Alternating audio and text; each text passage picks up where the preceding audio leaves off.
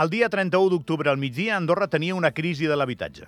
El dia 31 d'octubre a la nit, passades les 10 de la nit, Andorra seguia tenint la mateixa crisi, però tenia tota la classe política mobilitzada i determinada a fer alguna cosa més ràpida i més enèrgica per mirar de trobar solucions. Més ràpida del que estaven fent.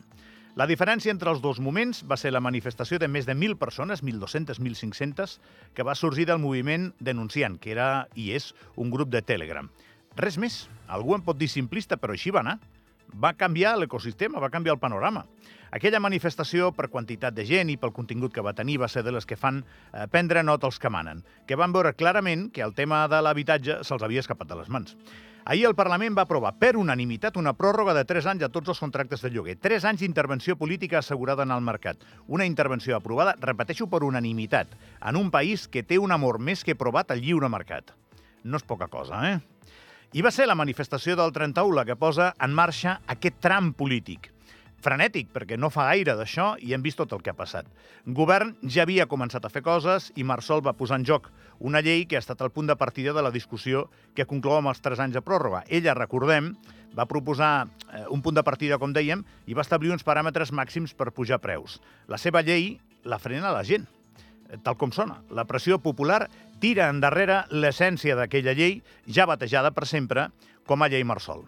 I tal i com han dit aquí més d'un cop, a pesar d'haver aconseguit posar pressa la classe política, hi ha temes que són realment complexos i les fluctuacions del preu dels pisos en són un d'aquests temes, amb nusos ben difícils de deslligar. No, no és mai un tema que s'arregli d'un dia per l'altre, i el més important, no és un tema que els polítics puguin garantir que arreglaran. No poden, ni a Andorra ni enlloc, ni intervenint ni no intervenint. No et pot dir un polític que baixaran els pisos segur, ja. No, perquè no, no ho sap, no, no són seus. Els que són seus, quan els tinguin construïts, sí, posarà govern el preu que consideri. Però ara mateix no estem en aquest estadi. Caldrà temps per veure si la cosa millora i si ho fa, s'haurà de dir que el moment actual i la força de la gent van jugar un paper clau. Sempre serà així. Dit això, i per anar acabant, anem a la manifestació del 8 de desembre, del Dia de la Puríssima. Hi haurà manifestació. I ara que sabem que n'hi haurà, esperem que es pugui fer sense incidents.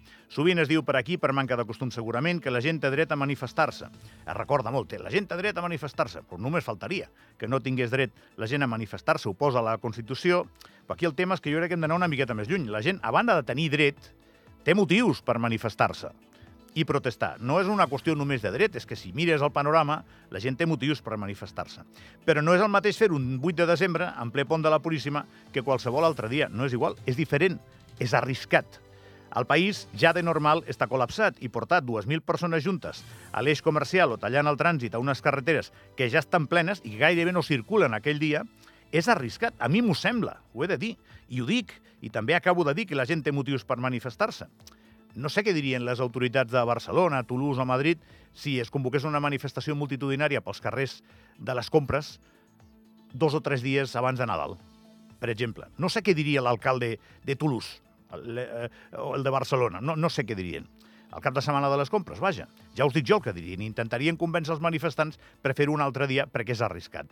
Es perjudica negocis i es perjudica companys que estaran pencant molt dur aquells dies que és com estaran molts els que no podran manifestar-se probablement. Estaran treballant, doncs no diria que de sol a sol, però gairebé i molts dies seguits. I arribats a aquest punt, i mentre es pacta el recorregut amb les autoritats, perquè ja sabem segur que hi haurà mani, és millor ja fer les coses sense careta i tot respira d'una manera més sana.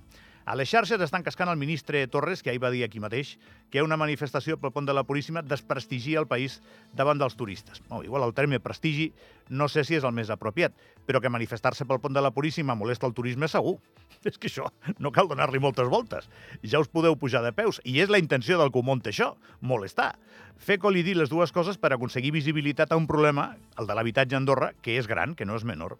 A mi el que em fa por, i ho admeto, potser és l'edat, potser és l'andorrà prudent que porto a dins i que surt a passejar, de tant en tant és que la cosa no surti bé. Em fa por, em fa respecte, que voleu que us digui. I escolteu, si el dia 8 tot va bé i, i jo ara mateix estic posant la vena abans de la ferida, ho diria molt de gust. A dia d'avui, a mi m'agradaria, més que la manifestació, es fes un altre dia.